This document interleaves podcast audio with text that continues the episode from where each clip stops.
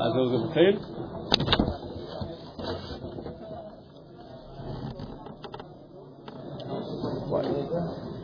נדב? יש. למרות שהרבה זמן לא היית. היה ראוי שאני אשכח את השם שלך. הקליטו את זה. כן. אבל בפנים חם. שיגידו אפילו חם מדי.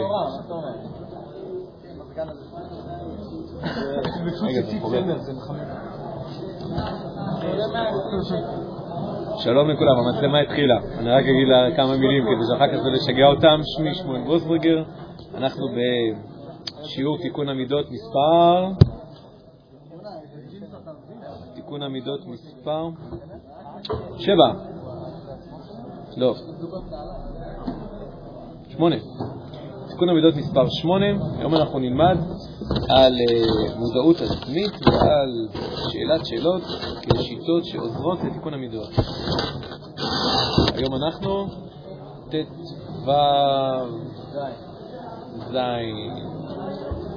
ז'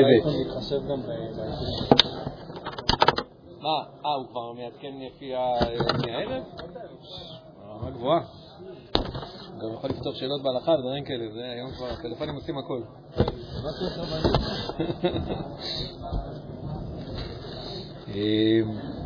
טוב, אז ערב טוב לכולם, רק בואו נראה מי איתנו, מי לצערנו, עוד יש לנו את מפה, ונדב כאן, וישראל כאן, וזריר כאן, וניתאי כאן, שלום ישראל, ויהודה כאן, מיכאל של א' ונד, מה מספר? אנחנו שיעור, רגע אמרתי את זה, שמונה.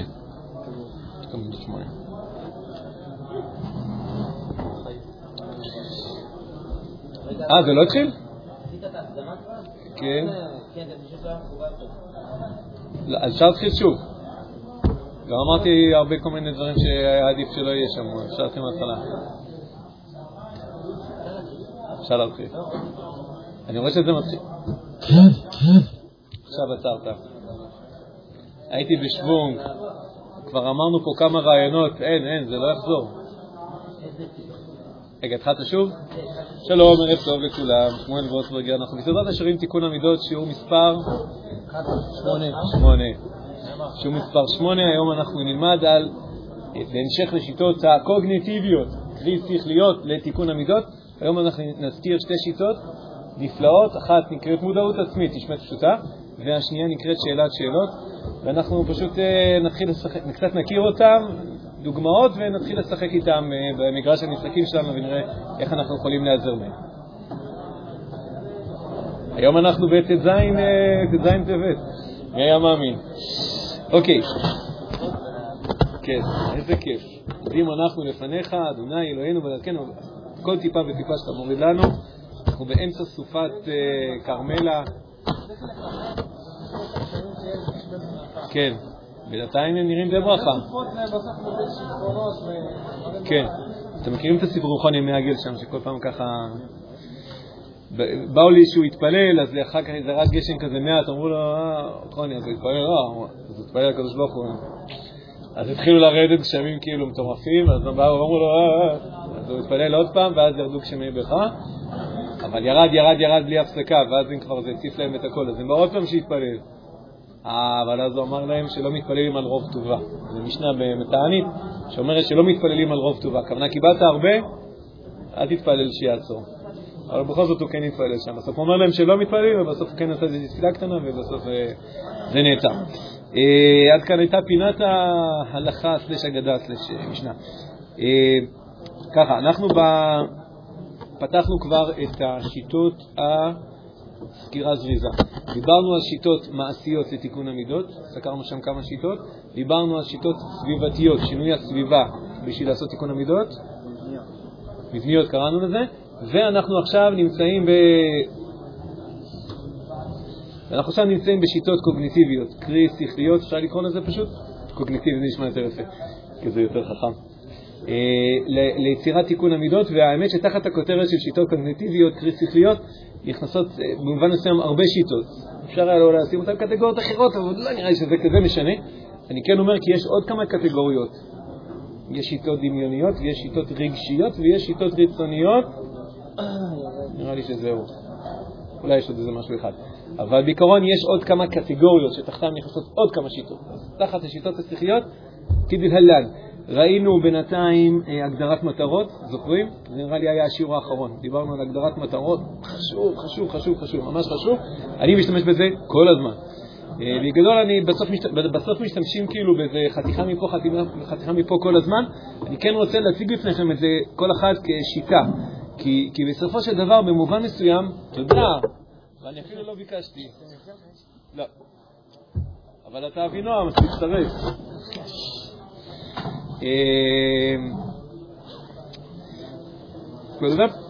אה, כל, כל שיטה כזאת במובן מסוים לפעמים יכולה להיות ממש שיטה בפני עצמה. זאת אומרת, ברוב הספרים שמהם אני לוקח את זה, אז ממש, זה, זה כאילו, זה השיטה. שאלת שאלות זה שיטה. אני, משתמש בזה, או הרבה מאמנים בסוף משתמשים בזה כאיזשהו, כאחד הכלים שאתה משתמש בו. בדקה 8.34 שאלת שאלה, אז כאילו השתמשת, אבל יש כאלה שפשוט אומרים, זה שיטה בפני עצמה, לשאול שאלות. נדבר על זה עוד מעט, זו השנייה שנדבר עליה היום. אז לכן אני, אני רק הסברתי למה אני קורא לזה שיטות, כאילו, כי בסופו של דבר, כאילו, זה יכול להיות איזה כלי קטן שלקחת רגע, וזה יכול להיות ממש שיטה שלמה שבנויה סביב הדבר הזה עם התמחות גדולה, יש אפילו ספרים שממש נוגעים לדברים האלה, מי שרוצה יכול כך לתת המלצות. אוקיי, הנקודה הראשונה שאנחנו רוצים שניגע בה, לפני שאלות, זה נקרא מודעות עצמית. מודעות עצמית. נשמע משהו פשוט, מודעות עצמית. זאת אומרת מודעות עצמית,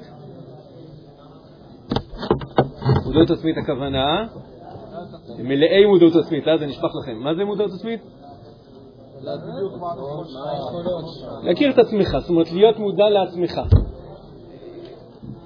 דבר מעניין מאוד לגבי בני אדם, זה בעצם היכולת שהקדוש ברוך הוא נתן לנו להיות מודעים לעצמנו. כי אצל כל בעלי החיים אין, אין דבר כזה שהיצור מצליח לחשוב על עצמו, כן, להיות מודע לעצמך זה, תחשבו על זה רק, זה טריק מעניין. אתה כאילו מצליח רגע לצאת החוצה מעצמך, להתבונן על עצמך, וכאילו להיות מודע לזה, ואחרי זה להחליט אם זה טוב לך או לא טוב לך.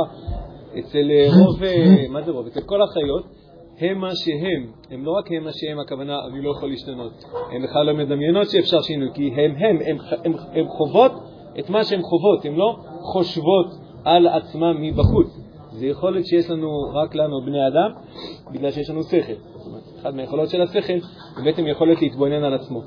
אה, עכשיו, אני יודע שזה נשמע פשוט, כאילו, מודעות עצמית, אך ברם, זה לא כזה פשוט. הכוונה, בהמון המון דברים בתוך החיים שלנו, שלכם, באופן כללי, אנשים לא מודעים. אנשים לא מודעים. הם יודעים שיש דבר כזה של יכולת מודעות עצמית, אבל הם לא משתמשים בה. הם לא משתמשים בה. יגיד המסילת ישרים, או זה בוודאי המקור שצריך להזכיר אותו על ההתחלה פה. מסילת ישרים, ממש על הנושא הזה, לא קורא לזה מודעות עצמית. אריאל, שלום. אה, המסילת ישרים ממש יבסס קומה שלמה סביב, במובן מסוים סביב הדבר הזה שנקרא מודעות עצמית. הוא לא יקרא לו מודעות עצמית. איך המסילת ישרים יקרא לזה? אה, כן, לא, אה, משהו יותר מדויק. זה אחד השלבים במסילת ישרים, הוא, הוא, הוא לא רק מודעות עצמית, אבל הוא, הוא מתחיל במודעות עצמית. אה, לא, כן, זה, זה מתחבר למשפט שלו, זה פרק א', לא. כן, כן. פרק הראשון? רמזים? נושא חמקר כזה? יאללה, נו. אתה משחק. לא, הפרק הראשון זה בירור חובת האדם בעולמו. אה, זה, יכול להיות ש... תראו, אפשר, אפשר להגדיר את...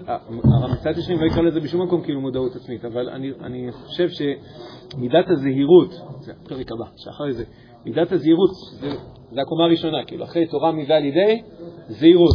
והמצאת ישרים יגיד, מצאת ישרים יגיד שהתופעה הרווחת אצל בני האדם זה שהם לא מודעים למה קורה איתם ומה מצבם, אה, הוא בעיקר ידבר, הוא, מידת הזהירות. הזהירות, להיות זהיר, להיות זהיר, אנחנו רגילים להשתמש במילה זהירות, במילה כאילו, כאילו, כמו, כמו באנגלית, out, כאילו, תיזהר. המסיעת ישרים מסביר שזהירות, המשמעות שלה, הראשונית, היא להיות בתשומת לב למה קורה איתך, להיות בתשומת לב למה קורה איתך. מה שאנחנו קוראים לזה עכשיו מודעות עצמית, כי אומר המסיעת ישרים שרוב האנשים חיים את החיים שלהם בלי זה. רוב האנשים חיים שלהם בלי זה, הם רצים, הוא קורא לזה כמרוצת הסוס. הם פשוט רצים, רצים, רצים. מעבודה לזה, לזה, לזה, רצים, רצים קדימה. העצירה הזאת היא לעצור רגע ולעשות חושבים ולעשות, אם נגיד מילה אפילו יותר חזקה, זה יהיה חשבון נפש, אבל הנושא שלנו זה פחות החשבון נפש, זה יותר עצם העובדה שאתה פשוט עומד רגע ומסתכל רגע, מתבונן על עצמך רגע ואומר, רגע, מה קורה פה? מה המצב? מה, מה קורה איתי? אה, אמרתי, אפשר לקחת את זה לכל מיני עומקים. אני אומר, עצם היכולת הזאת היא נקראת מודעות עצמית, אנחנו נקרא לה כרגע מודעות עצמית, והיא לא ברורה מאליה בכלל, בכלל. והרבה פעמים דווקא בנקודות האלה שקשה לנו, שם דווקא המודעות העצמית שלנו הרבה פעמים מאוד נמוכה, היא לא גבוהה. זאת אומרת, יכול להיות שבדברים מסוימים המודעות שלנו היא גבוהה, אבל איפה שקשה לנו, הרבה פעמים שם זה... אנחנו מסתירים שם משהו, אנחנו, אנחנו מחביאים שם משהו מאוד מאוד טוב. ולכן, להיות מודע לעצמך זה יהיה הדבר הראשון שאנחנו נרצה לעשות, במובן מסוים, אפילו עוד לפני שאנחנו יודעים מה אנחנו הולכים לעשות עם זה. זאת אומרת, להיות מודע לעצמך ולהיות כן, כן בכף נון, כן במובן ה... כנות, כן, להיות כן וישר עם עצמך, להגיד, אוקיי, זה המצב, זה קורה בגלל שאני מפחד ממשהו, זה קורה בגלל שלא נעים לי עם משהו. להיות, רק להיות מודע לדבר הזה, זה יהיה צעד ענק לפתרון. לא, זה לא תמיד אומר את כל הפתרון, אבל זה צעד גדול מאוד. אמרתי, הוא לא ברור מאליו שהוא קורה. עוד שנייה אני אספר לכם שיש ארבעה מנגנונים, כמו שכתבתי בהודעה, אבל אף אחד לא מגיב לדבר שאני כותב. אבל כתבתי שיש ארבעה מנגנונים, אתה פשוט לא נמצא שם, נדב, בקבוצה הזאת. אה, אתה כן נמצא. וגם אתה לא הגבת. אוקיי, אוקיי, חס אותך לבוא. אה, ליד עמיחי, שם לא זוכר. כן? נתניה. ברוך השב. את הפעם, זה לפני איזה מיליון שנה. אה, איפה היינו? יש ארבעה מנגנונים שאנחנו אה, משתמשים בהם מאוד מאוד טוב. קראתי להם הגנה במרכאות, כי במובן מסוים הם מגינים עלינו. אז למה המרכאות?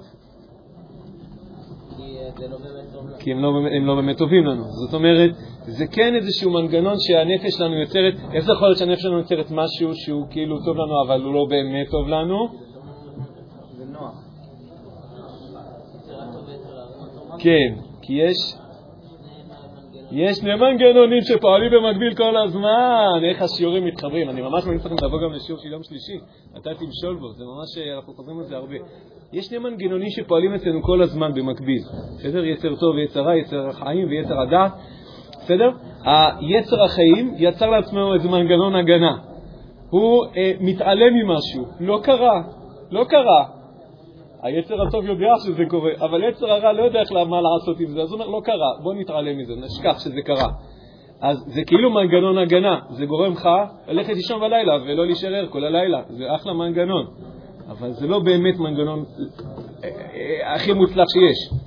אנחנו, הרבה פעמים כשנגיד שמישהו בא לאיזשהו טיפול, לפעמים הקטע שאתה רוצה לעזור להיות מודע לעצמו, אתה צריך לעשות את זה בזהירות, כי לפעמים הדבר שהוא מחביא שם מתחת לכל החוסר מודעות, לפעמים זה, זה אתה הולך לפתוח כזאת תיבה שאתה צריך לדעת אחר כך איך אתה סוגר אותה, כן? לפעמים צריך, זהירות בדבר הזה. אה, כשאני אומר שזה הצד הראשון, אני, זה, זה נכון, רק לפעמים צריך זהירות, כי מה נמצא שם בתוך הקופסה שהולכים לפתוח. זאת אומרת, מי שקשה לו לקום בבוקר, בדרך כלל זה משהו יותר טריוויאלי, בסדר? זה לא... כנראה לא נפתח שם איזה התעללות בגיל שלוש. אבל אה, אני רק אומר, זה לפעמים... צריך לראות, כן, זה כבר אמרתי. אה, אז יש ארבעה מנגנונים שהנפש שלנו יוצרת כאילו כביכול כדי להגן, ואני אומר להגן במרכאות כי זה רווח מצד אחד, אבל זה הפסדים גדולים מצד שני, ויש לנו יכולת לשדרג אותם. זאת אומרת, אנחנו כן יכולים בסוף כאילו גם להגן על עצמנו, אבל גם כן להיות מודעים לעצמנו ולמצוא לעצמנו אה, דרכים יותר מוצלחות מה אנחנו עושים עם הקשיים שלנו, מה אנחנו עושים עם המידות הרעות שלנו, מה אנחנו עושים עם כל הדברים האלה שנמצאים שם בפנים. אוקיי, ומה הם ארבעת מנגוני ההגנה? סליחה, לפני שאני אספר לכם מה הם ארבעת מנגוני ההגנה, אולי אתם תזהו פתאום, תגידו, וואי, גם אני משתמש בזה. כאילו, בטוח שאתם משתמשים בזה גם. גם אני משתמש בזה, כל בני אדם משתמשים בזה. אמרתי ארבע, יכול להיות שיש יותר, אבל באחד הספרים ראיתי ארבע, אמרתי, וואלה, זה אחלה מספר. אה, הערות ותגובות שלכם עד כאן. הבאת מסיעת ישרים, זה כל כך מתאים. לא, מצאתי אותו זה מקרה? ואני שואל אותך, זה מקרה? זה מקרה? לא, זה. בדיוק. אה, האמת שסיימנו את זה, שתיים, שלושה מפגשים, סיימנו את כל הספר, עברנו שזה, כן, אפילו לא סיימנו אותה, כאילו, עברנו שתי פסקאות של השם. סיבות היסטוריות, אחר כך. אבל זה אחלה נושא תיקון המידות, באמת זה אחלה נושא. מאוד פרקטי. אני, האמת שזה בעיקר מה שרציתי. רציתי לקחת איזה משהו שהוא יותר פרקטי. אה, תיקון המידות הוא נוגע בדברים שהמסעד ישרים מדבר עליהם, זאת אומרת, מסעד מדבר לא רק על תיקון המידות. תיקון המידות זה אחד הסעיפים בתוך מסעד ישרים. אגב, איפה תיקון המידות נמצא במסעד ישרים, אם כבר הזכרנו את זה? איפה תיקון המידות נמצא במסילת ישרים?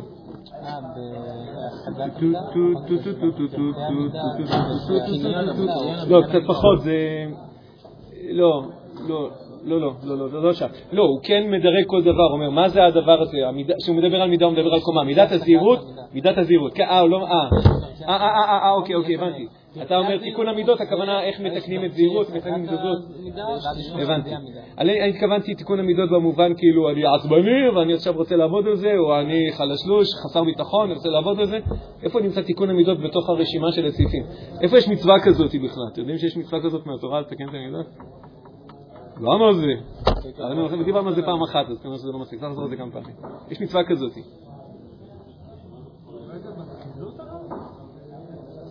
זה מופיע, כאילו טכנית זה מופיע בתוך נקיות. כאילו, זהירות זהות נקיות. בנקיות הוא מדבר על נושא של, אני לא זוכר אם קורא לזה תיקון המידות, הוא קורא לזה בשם אחר, אבל, לא, כן קורא לזה תיקון המידות, תיקון המידות כולם, אפילו בהקדמה קורא לזה, כל המידות כולם וכו'. לא, זה המצווה שנקראת והלכת בדרכיו. להיות דומה לקדוש ברוך הוא. ברוך הוא מחתה רחום, ברוך הוא מחתה חנון. הוא יש לו ביטחון עצמי, לא כתוב ככה, אבל אה, אפשר לדמיין את זה.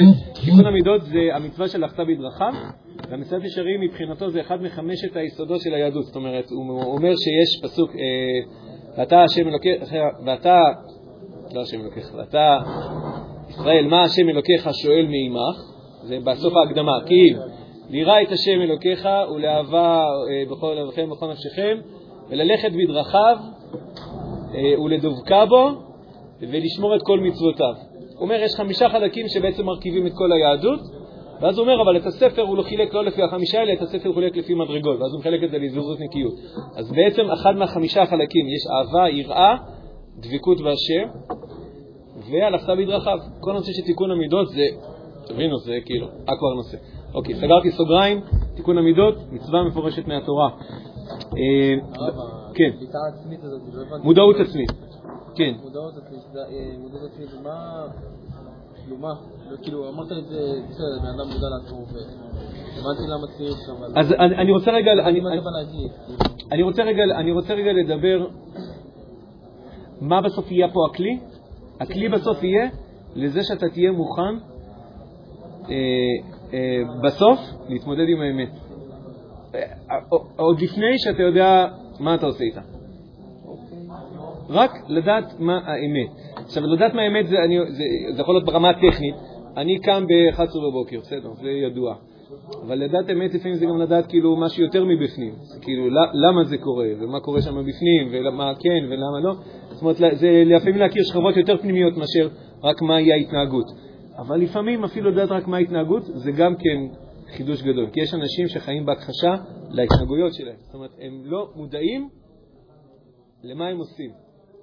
יש הרבה אנשים, לדוגמה, שיש להם בעיה של עודף משקל, או אין, אה, והם יכולים להישבע לך שהם משמינים מהאוויר. הם משמינים מהאוויר.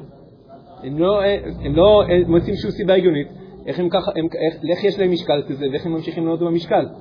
כי הם, הם בקושי אוכלים, הוא אכל איזה פירור בבוקר וזה משהו קטן בערב, והוא לא מבין למה הוא עדיין ממשיך לעלות במשקל. אז אפשר, אז אפשר לעשות לבנות תיאוריה שאנשים באמת, מש... כשקלוריות נכנסות, נכנסות מהאוויר, או שיש לו איזשהו אה, חילוף חומרים אה, ייחודי. ואפשר, לא אומר שלעשות את זה, אני רק אומר, אפשר לשים מצלמות שעוקבות אחריו 24/7, ואז מה אתה מגלה? שהוא מנשנש, הרבה מנשנש. אז על מי הוא משקר? הוא משקר עליך? משקר לעצמו. הוא משקר לעצמו. הוא חי, מה זה משקר? אני אגיד את המילה היותר מדויקת, הוא חי בחוסר מודעות. מודעות עצמית? הוא חי בחוסר מודעות. הוא לא שם לב לכל האלה. ואני אגיד לך יותר מזה, אתה תבוא ואתה תשאל אותו, תגיד, אתה, אתה זוכר שבעשר הייתה שם עוגה שלמה ועכשיו יש שם חצי עוגה? אתה, אתה, זוכר, אתה יודע למה? וואי, אני לא יודע מי עשה את זה. והוא לא, משק, והוא לא משקר עליך, הוא לא כאילו אומר לעצמו, אוי ואי, תפסו אותי. לא, אני לא יודע מי עשה את זה. הוא לא... הוא חי בחוסר מודעות עצמית. כאילו שני ה... תסתכל, כאילו, אני עושה משהו מידיים. במובן מסוים, כן. איזה מדהים זה, וזה לא ברמת, זה לא ברמת ללכת לפסיכיאטר, זה לא סכיזופרניה, זה לא סכיזופרניה ברמת ללכת לפסיכיאטר, זה אנשים נורמליים. אנחנו במובן מסוים כולנו קצת, זה אחד המנגנונים, אחד המנגנונים שאיתם אנחנו משתמשים. אני מסביר לכם למה כאילו זה נשמע כאילו פשוט מודעות עצמית, אה יאללה בוא נעבור לשיטה הבאה, ואני בא להדגים לכם, תקשיבו, זה לא כזה פשוט. מנגנון מספר אחד שאנחנו משתמשים בו כדי להגן על עצמנו כביכול, זה הכחשה. או הפחתה. עשיתי פה שני, חיברתי פה שני. הכחשה או הפחתה? הכחשה, אתה, אתה פשוט חי באיזשהו, אה, בשני מסלולים נפרדים. אתה חי בשני מסלולים נפרדים. אתה, זה כאילו עשו, עשו לך בראש איזשהו הסכם שביתת נשק, היצר טוב ויצר הרע. היצר רע כאילו בא ליצר הטוב ואומר, תקשיב, נכון, אתה לא יודע מה לעשות איתי, נכון, אז בוא נעשה ככה. יש כמה זמנים שבהם אני עושה את מה שאני רוצה, ואתה כאילו, לך תלמד, לך תלמד איזה, תלמד שתיים מככה תרגום בינתיים, ובזמנים אחרים אני משחרר אותך ואתה תוכל להמשיך, אה, תוכל להמשיך ללמוד ותעשה מה שאתה רוצה. זה נשמע כאילו חריף, נכון? זה נשמע כאילו, אוי ואבוי, מה זה הסיפור הזה? זה סיפור של הרבה מאוד אנשים, כולל אנחנו, במובנים מסוימים, בכל מיני זוויות של החיים שלנו. אז אנחנו לפעמים חיים בסוג של הכחשה או הפחתה. הפחתה זה, הכחשה זה כאילו יותר קיצוני, אני ממש חי בחוסר מודעות, והפחתה זה כאילו, אה, העוגה, לא, לא, לא, זה, זה לא, לא, לקחתי כזה ביס קטן, זה לא, כאילו, אתה כאילו, אה, לא, אל תעשה מזה עניין. העלבתי אותו? לא, לא העלבתי אותו. ואז סך הכל אמרתי לו, זה אידיוט, לא, לא, זה לא, זה לא באמת סיבה להיעלב. זאת אומרת, אנחנו, זה, אני, בהקשר הזה אני אקרא לזה מנגנון אחד, בסדר, זה הפחתה או הכחשה, אפשר לפרק ביניהם, אבל כרגע זה לא משנה, אנחנו כאילו, יש הצד שאנחנו, נוח לנו להתעלם מכל מיני צדדים, או כי אנחנו ממש מוחקים אותם מהזיכרון שלנו או מהצד המודע שלנו, זה קורה. אני, אני הייתי אפילו אומר, אתם תראו לבן אדם הזה סרט, תראו לו סרט שמראה כאילו אותו אוכל, והוא יהיה בשוק. הוא יהיה בשוק.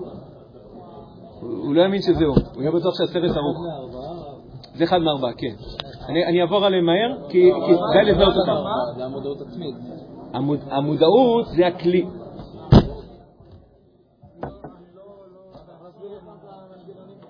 כן, הראשון, רגע, אני אחכה, זה ידלק או לא? רק סוכות. ארבעה מנגנונים שמגינים על... נכון? יש ארבעה מנגנונים, כן, אבל מגינים זה היה במרכאות. הכוונה, הם באמת, הם לא, מוצ... הם, הם, הם לא מוצלחים לאמת. הם בעצם גורמים לנו לא להתקדם, הם גורמים לקיפאון, הם גורמים להשאיר את המצב כמו שהוא. כן. למה אני קורא לזה הגנה? כי, כי בסופו של דבר זה נוצר בנו כדי להגן. אגב, אחד מהדברים שבאמת, אה, שבאמת אה, באימון, לא משנה, באימון זה משהו יותר קצת מקצועי, אבל אנחנו נעשה, אז זה יהיה לא כאילו, לה, אתה, אתה קולט שאתה משקר לעצמך? אז יאללה, יאללה, בוא, בוא, נתחיל, אה, בוא נתחיל להיות אמיתיים. אני לא אכנס בזה כאילו ב-120 כאילו קמ"ש בחזיתית. אני אתן לזה כבוד. אני אתן לזה כבוד. למה? כי זה מנגנון הגנה. זה עזר לבן אדם עד היום. זה עזר לנו, עזבו בן אדם, אני עכשיו מנתח אחר, אני מנתח את עצמי, בסדר? זה, זה עזר לי עד היום, זה עוזר לי גם עכשיו. זה שאני נהיה מודע לזה שיש פה משהו שאני כאילו חי בחוסר מודעות, זה אומר שאני קצת יותר, אולי יותר בשל להתמודד עם זה או לנסות למצוא לזה איזושהי אלטרנטיבה איך אני מתמודד עם זה בצורה אחרת, אבל אני לא, אני לא הולך להיכנס בזה, זה לא, זה לא איזה להביא פטיש ולהתחיל לשבור פה וזה. באופן כללי אני, אני פחות בעד פטישים, במיוחד שאנחנו מתעסקים בתוך הנפש שלנו. היא, היא דבר מאוד מאוד עדין. פטישים זה לא, זה לא, זה לא הכלי הנכון להתעסק שם. וזה גם, גם בשיעורי ואתה תמשול בו, זה אותו, בדיוק אותו דבר, גם שם אני הדגשתי את הנקודה הזאת, שאנחנו, אה, מזה אפשר להיפטר? יש הכחשה, מה? אוקיי, הכחשה זה מנגנון אחד, הכחשה או הפחתה, כן? כן? שזה נגיד כמעט תמיד הדבר הראשון שנייה אחת. להתחיל לרשום כל דבר שאתה אוכל. נכון, נכון, נכון. אז באמת אחד הכלים, תודה, תודה, תודה על ההערה הזאת. אה, אז זה דוגמה, אחד הכלים שמשתמשים, נגיד, בהקשר של אוכל. הרבה אנשים פונים על אוכל, הרבה, לא הרבה אנשים אומרים אני מעליב אנשים, אבל זה אותו, אותו כלי. רואים, תקשיב, אתה יודע מה המשימה הראשונה שלך? אתה רושם, כל פעם שאתה קורא, הפעולה הזאת קורית, כאילו משהו נכנס, כל פעם שמשהו כזה נכנס, תרשום. אל תנסה להגביל את עצמך, אל תעשה כלום, רק תנסה לרשום. קרי, תנסה להיות מודע, להבין כאילו מה, מה, איך, איך, מה, מה, מה קורה פה בעסק. כי או סיכויים גבוהים מאוד, אתה פשוט חי בחוסר מודעות. אתה פשוט חי בחוסר מודעות. אמרתי, זה מאוד נפוץ. זה לא משהו כאילו, וואי, זה, זה, זה דוגמאות מהמחלקה הפסיכיאטרית. זה לא, זה, זה אנשים, אני, אתם, בכל מיני זוויות של החיים. יש כאלה שהסיפור שלהם זה עם אכילה, יש כאלה שהסיפור שלהם זה עם, אה, עם, אה, עם, עם אה, יחסי בין אדם לחברו, לא יודע מה. יש כאלה שהנושא שלהם זה קמים, לא קמים, איך הם מתייחסים. כל, כל אחד יש לו איזשהו מקום שהוא... אני כרגע לא אמרתי שאני מנסה להכריח אתכם לפתוח את זה, בסדר? זה לא הנושא. אני רק, אני מציג בפניכם את הכלי, כי אני בא לומר, יש פה חידוש גדול מאוד. הוא בסיסי מאוד, אבל הוא גדול מאוד, כי הרבה פעמים אנחנו לא, לא רוצים לשים את הפרוז'קטור שם. לא רוצים לשים את הפרוז'קטור. כאילו באים, אני, אני רוצה לרדת במשקל, יאללה, אתה מוכן לעקוב, אתה מוכן, אתה מוכן יום שלם שאני אשים מצלמה רק לראות כמה אתה אוכל? לא, לזה אני לא מוכן. אני כן רוצה לראות, אני כן רוצה לרדת במשקל, אבל אני לא, לפעמים לבן אדם זה כל כך קשה לו בעצם להתמודד עם האמת, רק נענה מה זה הפחתה. הפחתה, כן, אני שמתי אותם כרגע באותה קטגוריה.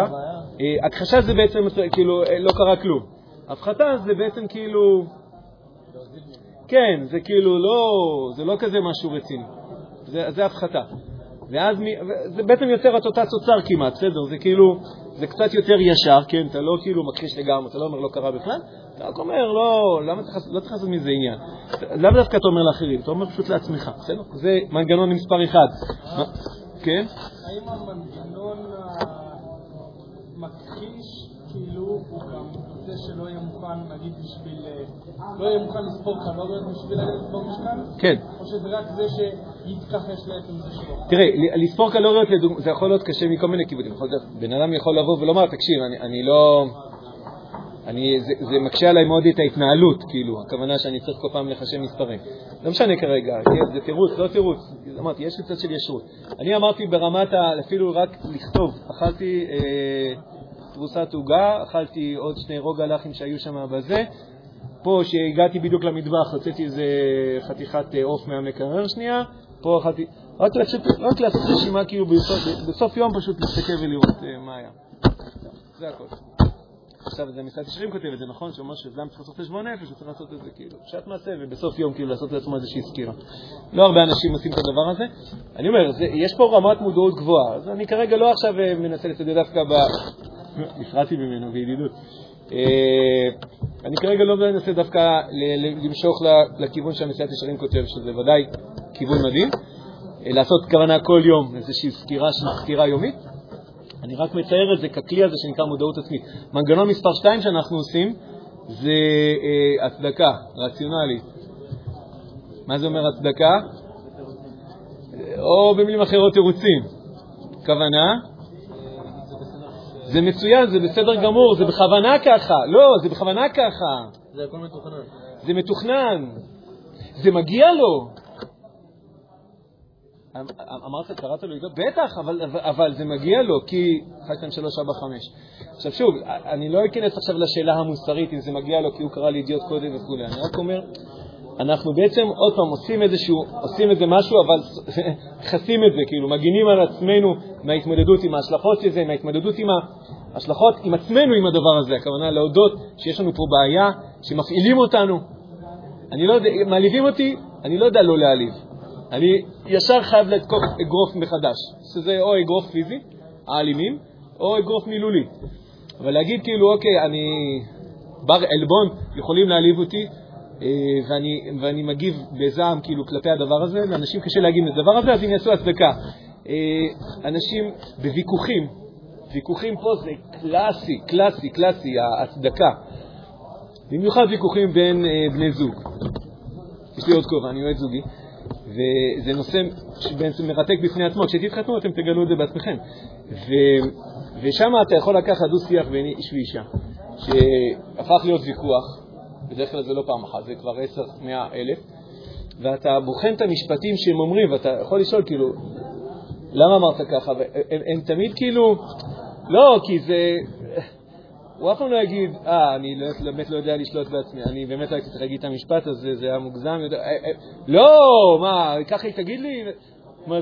זה מנגנון של הצדקה. כאילו, ברור לך שאתה צודק, ברור לך שמה שעשית עכשיו היה נכון. אתה לא פותח את זה אפילו לדיון. לא רק בפני האישה או בפני היועץ הנישואין, אלא אפילו בפני עצמך אתה לא פותח את זה לדיון. אמרתי בזוגיות, זה נכון גם עם חברים, זה נכון בכל מיני, במיליון אה, קונסטילציות. בסדר, הכנסת מלאה מזה ברגעים אלה, בסדר, כל אחד זורק על השני, אף אחד לא אומר לעצמו, רגע, אולי הוא צודק, אולי באמת... לא, לא, ברור, מה שעשיתי היה נכון, לא פתוח לדיון. אה, אז זה הצדקה או רציונליזציה. רציונליזציה זה מנגנון דומה, הכוונה, אנחנו תמיד, יש לנו הסברים למפרע, אנחנו, באותו זמן שעשינו לא היה לנו ממש הסבר, פשוט עשינו. כי אמרתי, יש שני מנגנונים, ההוא פעל. עכשיו שאתה מנסה, רגע, אבל לא, למה עשית את זה? באותה שנייה כאילו יש לך איזשהו הסבר רציונלי שמסביר לדבר הזה. זאת אומרת, אתה עכשיו הלבשת לזה איזשהו הסבר, ואתה, שוב, אם אדם הוא בחוסר מודעות, הוא, הוא בטוח שזה היה ההסבר, שזה, שזה, שזה, שזה ההסבר הנכון למה שקרה. לא כי הוא, אה, הוא הפחיד אותי, הוא, אני יודע מה, הוא איים עליי קודם.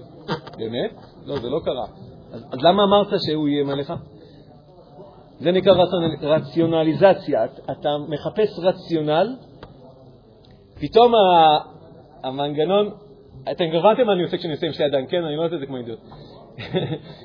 כשהמנגנון של, השכ... של היצר הטוב פתאום נהיה מודע למה היצר הרע עשה לפני חמש דקות, הוא לא יודע איך לאכול את זה.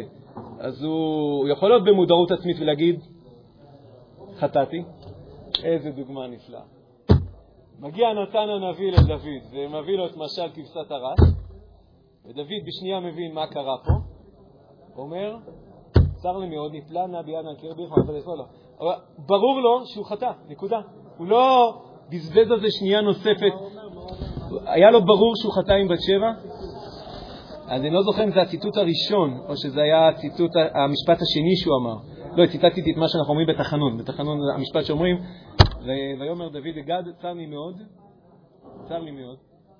נפלנה ביד אדוני, כי הוא אמר לו שהוא צריך לבחור את העונש, כי רבי חמד, ויד אדם על אפולה, כי הוא אמר לו שהוא יכול לבחור איזה עונש שהוא רוצה. היכולת של דוד להודות בטעות שלו, היא קרתה כמה פעמים, לעומת המלך שהיה לפניו, שאול המלך, ששמואל מוכיח אותו ואומר לו שהוא טעה. אה, קודם מתווכח ואחרי זה... קודם מתווכח. לא, לא, פעם שני עמלק, בסוף בסוף, בסוף, כן, אחרי כמה שלבים. תעבור שם בפסוקים ואתה תראה שעברו כמה שלבים, ובסוף כשהוא מבקש...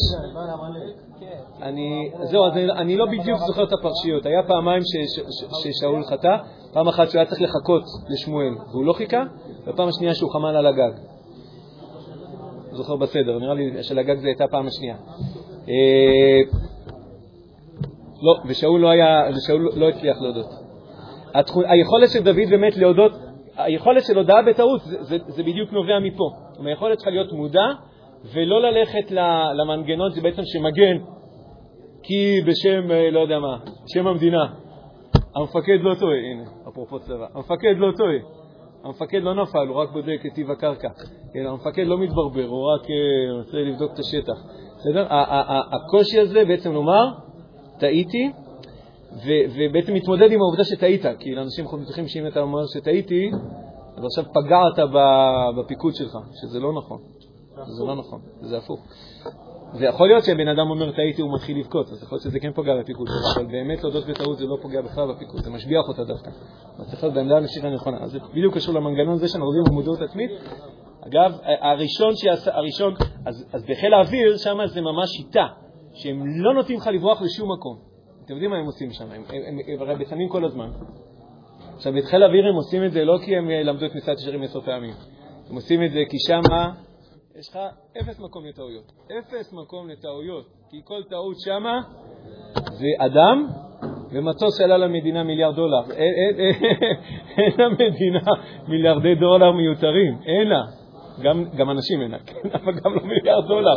מיליארד דולר זה, זה בית חולים אחד ש, ש, שלא הקימו, כן? אין למדינה את הזה. אז לכן שם יש לך אה, סבלנות של אפס טעויות. ולכן שמים מצלמות מכל הכיוונים, יש את התיבה השחורה שם שמודדת כל זה, ואז הם יושבים עם הטייס ובודקים איתו צד אחרי צד, ושואלים אותו, רגע, למה עשית את הצד הזה?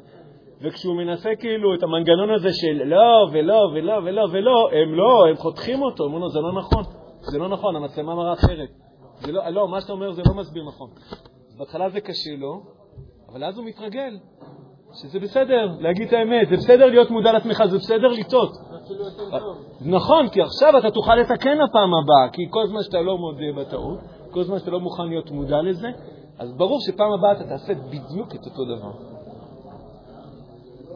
וזה גם המקור של וידוי. למה לא חשבתי כמו זה לפני השיעור? זה בדיוק הנקודה גם של וידוי אגב. אני חושב שזה גם הנושא של למה יום הכיפורים עושים אלף פעמים וידוי, דיברנו על זה לפני יום כיפור. לא זוכר אם הספקנו לדבר על זה.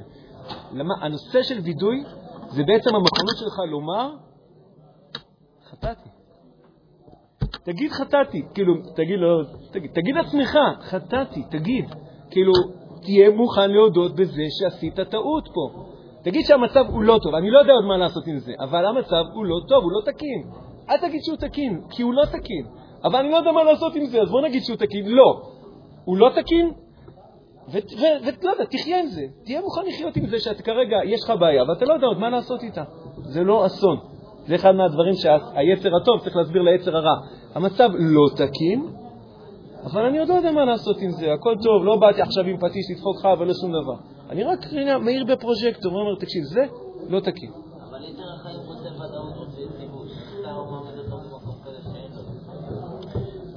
שאלה יפה. אולי אנחנו נצליח ליצור את היציבות גם עם זה שאתה טועה? זה לא היציבות הדמיונית שהכל בסדר, זה יציבות אחרת. לא, זה יציבות אמיתית. נכון, היא ודאי שהיא יציבות הרבה יותר אמיתית. לא יציב. היציבות הדמיונית היא דמיונית, היא באמת מבוססת על שקר, והיא לא מחזיקה. היא באמת היא לא מחזיקה. אז זה יותר טוב צריך להסביר ליצר הרע, תקשיב, אני לא שומט לך עכשיו את השטיח מתחת לרגליים, אתה הולך ליפול. לא, לא, אתה לא הולך ליפול, הפוך. עכשיו אתה הולך לעמוד על קרקע יציבה, ואנחנו הולכים לנהל את זה ולטפל את זה ולתקן את זה, ולא יודע איך לתקן את זה. תקן את זה. אם אפשר לתקן את זה, אבל זה בטוח יותר נכון מאשר זה. אגב, לאנשים, זה מתישהו חשוב להם להודות באמת. ככה בדרך כלל מחצים הודעות מכל מיני פושעים וזה. כי לאנשים באיזשהו מקום, זה נכון שהם משקרים, משקרים, משקרים לעצמם, משקרים לאחרים, אבל באיזשהו מקום יש להם איזשהו קול פנימי שרוצה פעם אחת להגיד את האמת ולהפסיק לחיות את השקר. זה, זה, והחוקרי משטרה יודעים לעשות את זה טוב, כאילו איך לגרות אצל בן אדם את הצעד הזה שהוא כבר רוצה להפסיק את המשחק ופשוט להגיד את האמת וחלאס. אה, כן? פיצוצים תרתי משמע? ככה חושבים במשטרה. לא, אני אכנס לפוליטיקה עכשיו, מי מדבר על פוליטיקה? מנגנון מספר 3. מנגנון מספר 3 זה אה, אה, השלכה, השלכה, בכף. כן, סתם עשיתי חטא, כמדומה. נכון, זה בגלל, לא, זה בגללכם, ברור שזה בגללכם. למה השיעור לא היה מוצלח בגללכם? הייתם יפים, למה השיעור אתמול לא היה מוצלח? בגללכם, כי הגעתם עייפים, אחרי יום מדמה סיירות. זה לא בגללי, אני הכנתי את השיעור מעולה. אה, זה כאילו זאת האחריות על מישהו אחר? כן. להאשים מישהו אחר. זה ממש שיטה. זה ממש שיטה. נכון, הרצפה הייתה עקומה, המזג אוויר היה דפוק. עכשיו, לפעמים זה סיבות שהן אמיתיות, הן באמת זה. השאלה אם אתה מאמין לעצמך, כאילו, זה בסוף אני אומר, יש, יש, גם, יש גם שאלה אובייקטיבית. זה לא אמיתית, אז זה לא השלכה, זה באמת. נכון, נכון. השאלה אם הסיבה אבל- לבהכרח קלאסי. למה התעצבנת? כי הוא עצבן אותי. אוקיי, אבל למה נפלתי? נגיד למה נפלתי, כי באמת... רגע, שנייה, לפני, רגע, לפני למה נפלתי. רק, שנייה, לפני הדוגמה הזאת, אני רוצה שנייה בדוגמה הזאת. למה התעצבנת? למה צעקת? כי הוא עצבן אותי, כי הוא קילל אותי. זה נשמע סביר, נכון? מה לא, לא נכון פה? המעבר בין הסיבה לתוצאה. נכון, זה שהוא קילל אותך, זה שהוא עצבן אותך, זה לא אוטומטית אומר, זה גם לא, זה, לא, זה גם לא אוטומטית, וזה גם לא אומר שיש פה סיבה מוסרית מוצדקת. שתי הדברים, גם הצדקה וגם זה. זה לא אומר שאוטומטית אתה צריך להתעצבן בחזרה, זה לא. זה לא. מה, אתה רוצה להגיד לי שאם היו אומרים לך ככה, אתה רוצה להגיד לי שאפשר להגיב אחרת? התשובה היא ודאי שכן, ודאי שכן, זה כן. לא אמרתי שזה קל, אני לא אומר את זה בשפיטה, לא כלפי מישהו אחר, גם לא כלפי עצמי. אני לא אומר את זה בשפיטה, אני רק אומר את זה באמיתיות, במודעות עצמית, אמיתית. כן, יש, אפשר להגיב בצורה אחרת. גם אם מישהו מקלל אותך, אפשר להגיב אחרת. פרשת שבוע, אחים באים ליוסף, בטוחים שיוסף הולך להיכנס בהם, חבל על הזמן.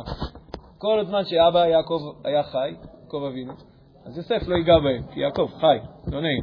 אבל אחרי שיעקב נפטר, פרשת ויחי. אז עכשיו האחים בטוחים שיוסף הולך אה, לפתוח להם את הצורה. יש לו את כל הסיבות שבעולם, יש לו גם את כל היכולות שבעולם, הוא סגן מלך העולם. ולכן הם אומרים לו שאביך ציווה לפני מותו לאמור, אז שאומר הם שיקרו, זה לא באמת קרה. ומה יוסף? זה לא שלא אכפת לו, הפוך, הוא לא, הוא לא המשיך הלאה בחיים שלו. הוא צמח מזה, נדבר על זה בשיעור הקשיים. הוא צמח מזה. אתם חשבתם עליי רעה, אין לי דמיון. אין לי דמיון שקרה פה משהו אחר. לא, הם בטח רצו לעשות דברים טובים. לא. יוסף יודע בדיוק מה הייתה הסיבות, לא משקר לעצמו. אתם חשבתם עליי רעה, אבל למה אני לא רוצה להקים לכם? כי אלוקים חשבה לטובה. זאת אומרת, יוסף חי מישור אחר. נדבר על זה בשיעור על הנושא של התמודדות עם קשיים, כל כך הרבה יש מה ללמוד מיוסף. אבל, מה זה? אני, רק אומר, הבאתי את זה כדוגמה לזה שאם מישהו עצבן אותך, אם מישהו זרק אותך לבור ומכר אותך לעבד, האם זה אומר שאוטומטית אתה צריך להיכנס אחר כך? לא. ויוסף יוכיח. אז זה מדרגה גבוהה מאוד יוסף, אבל זה רק אומר שזה אפשרי. יש דבר כזה. אז אני אומר, מודעות עצמית, לדעת שזה לא אוטומטי, ואל תתרץ אוטומטית את מה שאתה עושה ותגיד, אבל הוא... אל תאשים אחרים, ויכוחים בין איש לאישה, זה כל הזמן קורה, אנשים לא לוקחים אחריות על עצמם, הם תמיד משאירים, ובגללה היא מעצבנת אותי, היא, היא מעליבה אותי, היא זה, כנ"ל גם הפוך, כן, לא משנה, זה, זה הדדי. והמנגנון הרביעי והאחרון זה, נחשו, אתן לכם רמז, מנגנון מספר שלוש זה האשמה של האחרים. אה, האשמה עצמית. כזה אני, כן, אפשר להגיד את כזה אני שם בתוך השכונה הזאת, אבל, האשמה, אבל, אבל יותר מכזה אני, זה האשמה עצמית. זה הלקאה עצמית? כן, כן, הלקאה אבל זה אפילו יותר חזק. כן, אתה, אתה מרגיש כל כך גרוע, ואתה מאשים את עצמך, כאילו, אתה מלכה את עצמך, כאילו, זה, זה כואב.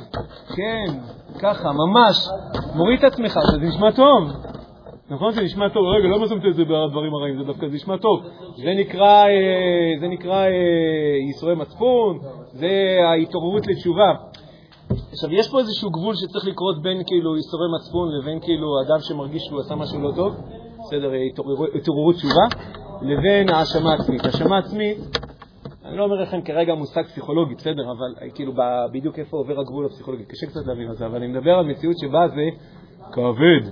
לא רק שזה כבד במובן שזה גורם לבן אדם אה, לשקוע, אלא זה משהו שבהפוך על הפוך מונע ממנו לעשות תיקון. זה מה שמונע ממנו לעשות תיקון. למה? הוא כי הוא כבר, הוא גם מוותר והוא גם... כן, הוא כל כך בחוסר מסוגלות שהוא בכלל לא מאמין שהוא יכול לשנות את זה, שזה סיפור שהוא מספר לעצמו כי זה לא נכון, כי יש לו בחירה. הוא לא רואה כי הוא לא יכול. והוא כי הוא לא יכול, לא והוא גם כי הוא מרגיש שהוא בעצם... אה, הוא כבר... הוא כבר לקח, הוא כבר הלקה את עצמו מספיק מבפנים. אז לא צריך לעשות תיקון. ומחר אפשר יהיה לעשות את זה שוב. הוא לא, את המחשבה האחרונה הוא לא ממש אומר לעצמו בקול. אבל היא כן, היא כן שמה נשמעת בראש. זה כאילו המנגנון הזה אומר, ומחר זה יקרה שוב. אני כל כך, אתה לא צריך להגיד לי את זה. אני מספיק מלכה את עצמי, אני מספיק מאשים את עצמי מבפנים. זה, לא מרש... לא, תקשיבו, אני אומר את זה כאילו ככה בצחוק, זה לא צחוק בכלל, זה לא צחוק בכלל. זה... אגב, מנגנון האשמה עצמית הכוונה, לא, ברצינות, זה, זה אחד מהמנגנונים שזיהיתי אותו לפני חודש, ואני מתמודד עם זה עכשיו, כי יש לי כל מיני דברים. דוגמה, השיעור היה לא טוב, ברצינות אני אומר לכם עכשיו, משתף אתכם, שיעור היה לא טוב.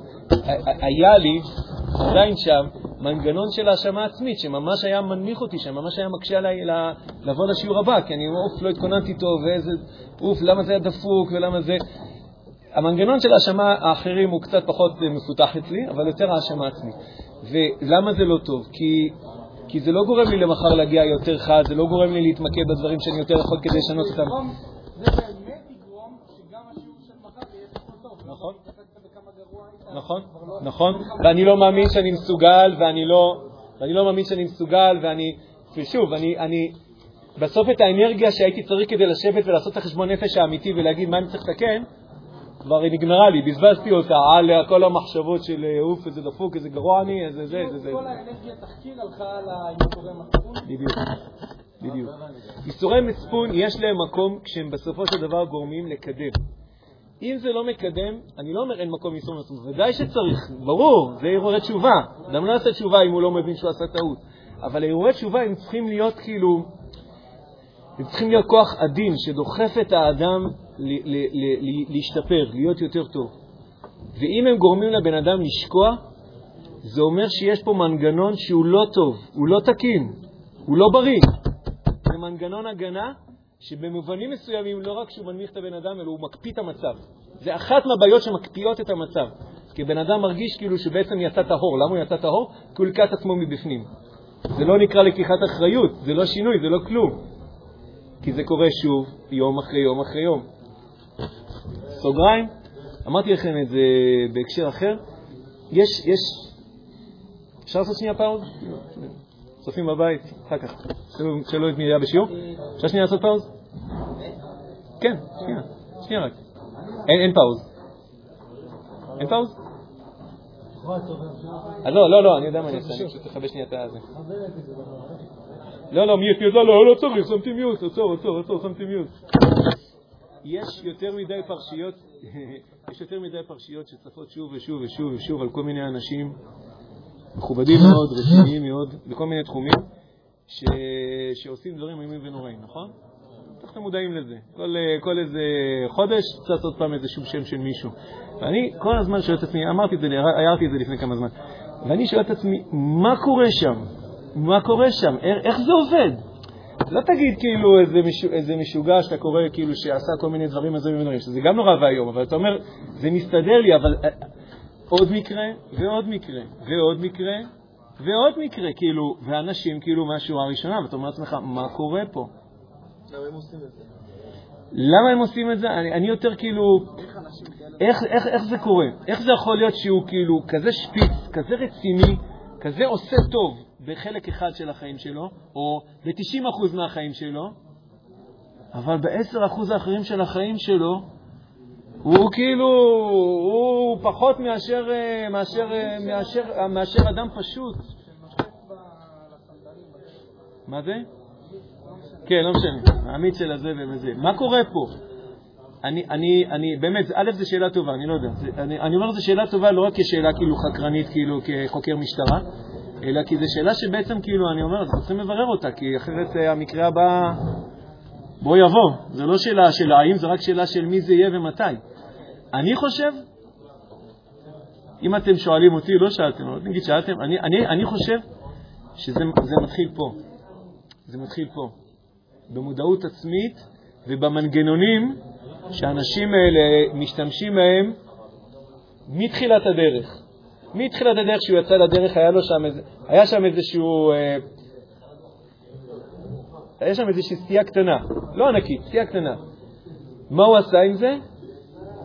או הכחיש, או אה, זה לא נורא, אה, או שהוא ממש לא יודע שזה קרה. הוא פשוט, הוא לא, הוא לא, הוא לא מודע לזה. והוא, הוא, כן, או שהוא מאשים את האחרים, הוא אומר זה קורה בגללם, הם מפתים אותי, הם לא יודע בדיוק מה. בואו ניקח את ארבעת המנגנונים, או שהוא מסביר למה זה פעולה שהיא נכונה ומוצדקת, לא, אני עוזר להם. זה כל מיני משפטים שאנשים כאלה אומרים אותם. או, או, שהוא מאוד מאוד מלכה את עצמו. הוא כן מודע, אבל מאוד מאוד מלכה את עצמו. מלכה את עצמו וממשיך לעשות את זה. והוא ממשיך להתגלגל בחיים, והגלגל של היצר הטוב עובד שעות נוספות, והוא עושה דברים טובים, הוא באמת עושה דברים טובים.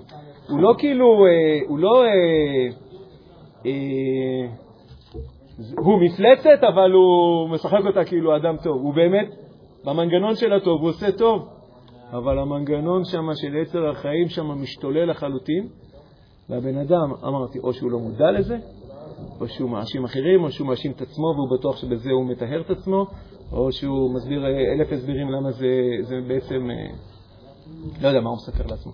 אבל אני חושב שזה בדיוק מתחיל בנקודה הזאת, ולכן זה נכון כאילו להתחיל את זה כאילו כמה שיותר מוקדם, כאילו לפני שהחיים הולכים ו... לפני שהגלגלים האלה הולכים, אה, הולכים להיפרד ולפתח קריירות מקבילות. זה מה שקורה, הוא פשוט מפתח שתי קריירות מקבילות. היצר הטוב שלנו מפתח קריירה אחת, והיצר הרע שלנו מפתח קריירה שנייה. אני אומר, זה, זה, אני באתי לא לנתח עכשיו כמה דמויות, אני באתי לנתח, אני חושב, משהו שאנחנו כולנו צריכים להיות מודעים אליו, במובן הזה שאין קריירות מקבילות. זה, זה א' ב' של מציאת ישרים, זהיר. הכוונה, יש, שמים פרוז'קטור ומסתכלים ורואים ומסתכלים על זה בעיניים, גם אמרתי, אני מדגיש את זה אלף פעמים, תלכו לי על הזה, גם כשאתה לא יודע עוד מה אתה עושה עם זה. גם כשאתה לא יודע, אין לך פתרון. אבל לפחות תהיה מוכן להסתכל בעיניים ולהגיד, אוקיי, זה המצב, עכשיו בוא נראה מה עושים עם זה. חזרנו לביזנס. טוב, דיברנו על מניות, נו, ידעתי שזה לא יעניין אתכם. אה, אה, עכשיו תראו, איפה משתמשים בזה, אנחנו לא נספיק את שאלת שאלות, כאילו אולי אני אגיד את זה רק איזה מילה, אבל אני כן רוצה רק לדעת איפה... נכון אמרנו שתמיד אני רוצה להשתמש בזה בארבעה דוגמאות? דיברנו על זה, זוכרים? היה שם, היה שם בשיעורים. אני רוצה, יש ארבעה דוגמאות שאני כל פעם רוצה להשתמש בהן, וכל פעם לקחת את הכלים ולהשתמש בהם. לא יודע תמיד זה הכל להשתלב, אבל לפחות לנסות. לקום בבוקר, בזמן שאנחנו רוצים. איך אפשר להשתמש בזה? במנגנון הזה של מודעות עצמית. מה? אה, שהם כאילו מגינים עלינו או לא? אני אומר, אני עכשיו נתתי לך כלי, אמרתי לך להיות מודע, להגיד, אוקיי, יש לי פה בעיה, או להיכנס גם בהתנהגות, אולי משהו יותר לא. בפנים. כן, איך משתמשים בזה? אדם קם כאילו בשעות מאוחרות. מה... באיזה שעה אני מתעורר, ומה ההבדל בין זה לבין השעה שבה רציתי להתעורר. אוקיי, יפה. אה, והתחקיר זה פשוט פתרון כל כך טוב. כאילו, אני... פה עושים תחקירים, נכון? אני יודע שהרב אביעד הכניס את זה פה כאילו כאיזה כלים, נכון? בתוך הפנקס. לשיעורי בוקר באיזה 2-3 דקות. עכשיו, זה לא כזה סבבה. אז פשוט בתחקיר שעשיתי עוד יצא לי מאוד ליישם את זה, כי זה היה ביומיים האחרונים של ה... כן. כי זה התחיל, התחלתי להידרדר, כביכול להידרדר, כן. שכבר הפך לשלוש וחצי דקות, אתה יודע, ואיפה זה ייגמר. זהו, לא. ואז רשמתי, מה אני רוצה, מה הבעיה שלי, מאחר לשיעורי בוקר, נכון? למה? אולי זה לא מספיק חשוב לי, אז עכשיו אני עשר דקות לפני, אני כבר אסיים את הארגונים שלי, ואני אשב בכיתה חמש דקות לפני. אוקיי. בכיתה. סבבה? אז אני אומר, הוא שילב פה עוד כמה כלים, אבל אני אמרתי, הכלי הראשון כאילו של להיות מודע, לא רק מודע לזה שהוא מאחר, להיות גם מודע לזה, למניע שלו, כן, זה מודעות למשהו יותר פנימי. כי זה לא מספיק חשוב לי. כן. לא. נכון. אני הייתי נותן לך עוד איזשהו הסבר? כי אתה, אתה מנסה לדחוף עוד כמה דברים, כאילו, ב... נכון? כאילו, עוד, עוד איזה משהו. כאילו, אני מכיר את זה על עצמי, כאילו, אני, אני מאחר בגלל שאני מנסה לדחוף כבר עוד איזה משהו בדקות האלה, וצריך לדחוף עוד משהו. אבל אז איחרתי, כאילו. אתה יכול לומר, אם זה, אם, אם זה חשוב לי להגיע בזמן, אז כנראה אני אצטרך לוותר פה על משהו. כולה מודעות, לא אמרתי עכשיו את זה, רק אמרתי, אם אני רוצה להגיע בזמן, אני צריך לוותר על, על זה שאני אדחוף עוד משהו. יהיו כמה דקות לא מנוצלות כנראה, או שננצל אותן בצורה אחרת. להיות מודע. לא אמרתי לא כלים ולא עכשיו אה, גדרת מטרות ולא שום דבר. אה, אה, חוסר ביטחון עצמי, יש פה הרבה מה להיות מודע. לכל דבר, מודעות עצמית זה השלב הראשון בכל דבר, אבל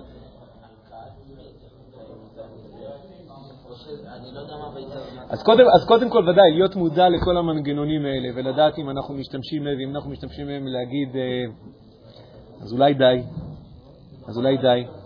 כמובן, למצוא להם תחליפים. כי כמו שאמרנו, אנחנו בסוף לא רוצים להשאיר את ה...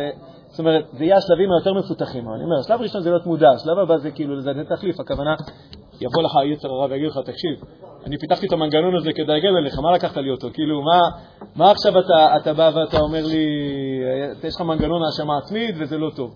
אבל איך אתה תתמודד עם ה... אתה לא יודע להתמודד עם זה. כן ננסה להגיע לשלב הבא לאיזשהו כלי שיעזור לנו בהתמודדות אחרת. אגב, זה מה שאני עושה.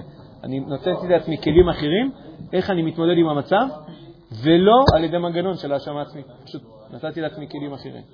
נדבר על זה כאילו בהמשך, על, על הכלי הזה שבעצם אני נותן לעצמי את אותו צורך, נותן מענה לאותו צורך, אבל בצורה אחרת, בצורה, ש, בצורה שהיא נכונה וישרה, ולא בצורה שהיא קשורה לאחד מארבעת המנגנונים.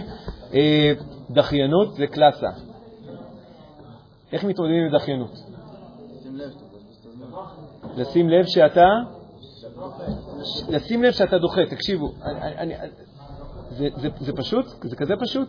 תקשיבו, לי זה לוקח המון זמן, ככל שעובר הזמן אני, זה לוקח לי פחות ופחות, לשים לב שיש פה משהו שאני דוחה. זה לוקח לי זמן, הייתם מאמינים? ואני מלמד את זה. זה לוקח לי זמן להודות בזה. יש איזו שיחת טלפון, אני רשמתי אותה בזה, לא עשיתי אותה היום, העברתי אותה למחר. לא עשיתי אותה גם מחר, אז העברתי אותה לעוד שבוע.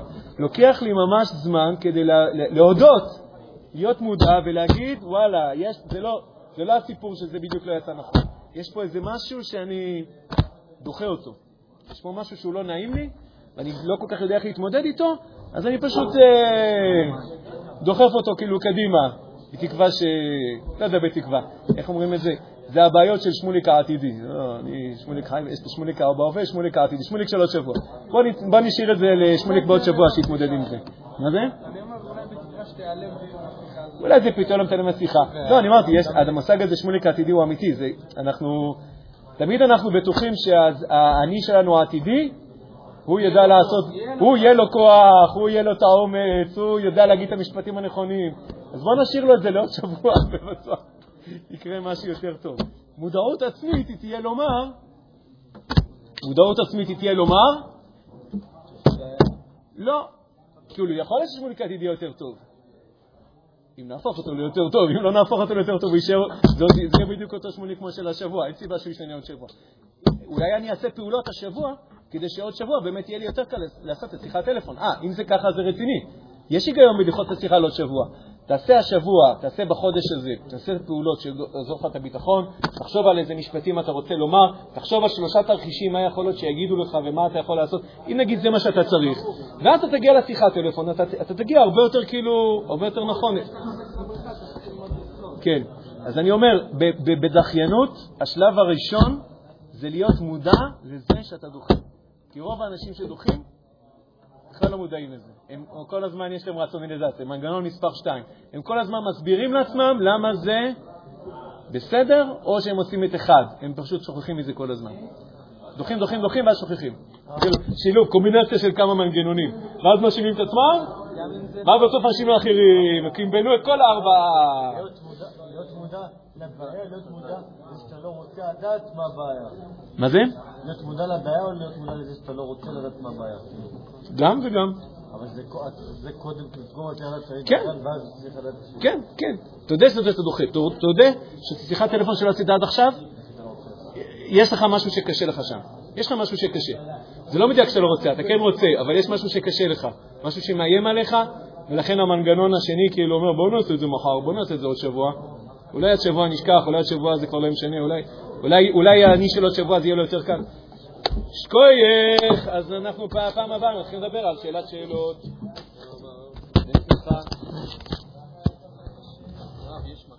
עכשיו יש לי שיחת טלפון. באמת? אמרת שאתה... אה, לחיצה ארוכה. אמרת שאתה גם מתעסק בענייני זוגיות, דברים כאלה. כן. עכשיו, יש לי שאלה, האם אפשר, לא יודע, נגיד מחר, יש לי איזה משהו להתייעץ עליך, חודש כאילו, בקשר לאיזה משהו כזה, אז... אפשר לנסות אחרי כאילו, אחרי השיעור. בוא נעשה השיעור. איזה שבע וחצי? שבע וחצי ארוחה, אבל. כן. טוב, נגיד למי שישמור, בסדר. אה, הרב. אה, נכון, לא, אה, וואי, תשלח לי שוב, כי מאז כבר יש לי איזה 100 הודעות, כאילו, תראו, ושכחתי מזה. אני מודה, אני לא מנסה להתחבב, שכחתי.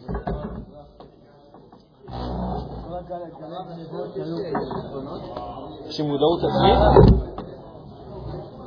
תראה, היה יום חשוב, כאילו הרגשתי שאולי זה כאילו פשוט, אבל נראה לי שזה לא מה שזה פשוט, זה עדיין חידוש. לא יודע, אצלי ממש שמתי לב עכשיו, בשלבים מסוימים שאני עכשיו חשבתי מה שעושה, לא יודע, בשבועיים האחרונים ממש התקדמתי עם זה, יש לי רגל של קפיצת ציפורניים, כן. ממש הרבה שנים, עכשיו אני מנסה להפסיק עם זה, ולא יודע,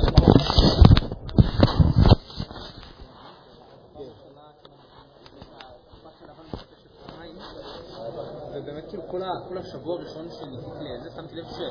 כאילו, גם חוץ עד אז הסיבה שבכלל לא ניסיתי לעשות עם זה כלום, זה היה אני חושב דווקא זה שניסיתי להצדיק את זה כל פעם, שבסדר, אני פשוט, זה לי איזה משהו זה עוזר לי, זה- זה. כן.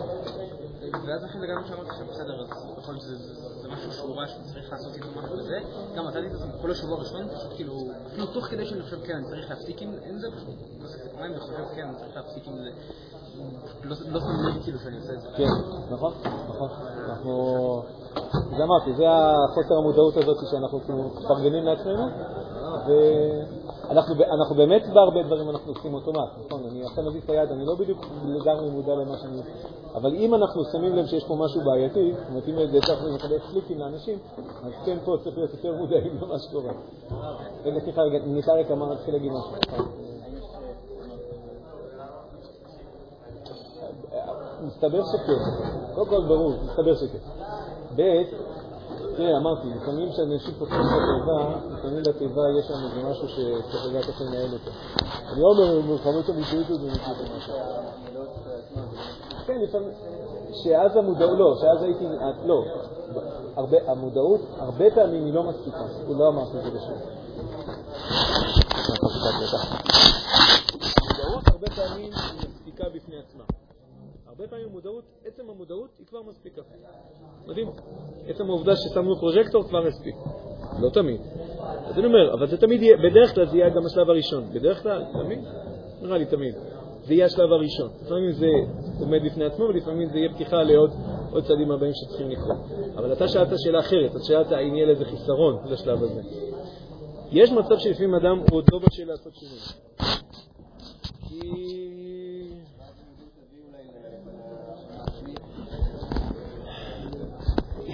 בוא נגיד ככה, זה קשה לכפות על בן אדם מודעות עצמית. צריך לעזור לאדם להתבשל למודעות עצמית. אני אומר את זה גם כמאמן לאנשים אחרים, אני אומר את זה גם כאילו עכשיו על עצמנו, כן? לפעמים יש משהו שאנחנו פשוט כל כך שם עוד לא יודעים מה לעשות עם זה, שאנחנו כאילו עדיין מעדיפים להשאיר את זה מחוץ לפרוז'קטור. אם זה לא דברים איומים ונוראים, אפשר לפרגן את זה לעוד תקופה, בסדר? אדם שיש לו אוכל יותר ממה שהיה רוצה. מותר להשאיר את זה מחוץ לפרוז'קטור. זה לא אסור, לא לפי התורה, זה לא אסור לפי החוק, זה לא פוגע באף אחד. אז מותר לבן אדם כאילו לאכול אה, בלי מודעות, או עם מודעות או משהו. אה, אבל אם זה משהו שהוא פוגע או משהו כזה, אז, אז צריך כאילו לקדם את זה יותר מהר, ועדיין, יכול להיות שזה ייקח לבן אדם שלבים עד שיהיה מוכן להיות מודע. אה, חיסרון אני רק יכול לראות כאילו במובן הזה שפתחנו משהו מהר מדי. כאילו, כאילו, אם אדם הוא לא מודע לזה שהוא אוכל יותר מדי, נגיד זה מפריע לו, הוא לא, מפריע לו עודף משקל, אבל הוא, הוא, הוא קשה לו להודות בזה שהוא עושה אלף פעמים ביום, הוא, הוא, חוט, הוא חוטא בזה, הוא לא מודע לזה. אני לא יודע אם להראות לו מצלמה זה יהיה, כאילו, אתה יודע, להכריח אותו להיות מודע. אני יכול להציע לו, אומר, תקשיב, אצל הרבה מאוד אנשים הייתי מציג גס לזה, אצל הרבה מאוד אנשים הם אוכלים הרבה יותר ממה שהם מודעים לזה. לא, לא אצלי. אני אומר, אצל הרבה מאוד זה ככה. האם היית מוכן לנסות? אני מציע לו. האם היית מוכן, אתה מבין, אני עושה את זה עדין. אני לא מגיע כאילו עם טרקטור ואומר לו, תקשיב, אני חותם לך עכשיו שאתה אוכל אותי ממה שאתה צריך. זה כאילו להיכנס חזיתית, ואז אנחנו רואים תגובת נגד. לא- לא- לא- לא נכנסים משם עם טרקטור, ולא עם פטיש קונגו, ולא... זה לא הכלים הנכונים, והם בדרך כלל לא, לא יוצרים בסוף את התוצאה שאתה רוצה. כאילו, הרבה פעמים אנשים, כאילו, שהם מחליטים, די, נמאס לי, אז הם כאילו לוקחים, היצר הטוב כאילו מגיע עם קונגו, כאילו עם... די, נמאס לי מהיצר הרע. זה לא נגמר בטוב. זה לא נגמר בטוב לאף אחד, לא ליצר רע ולא ליצר הטוב. שמחה.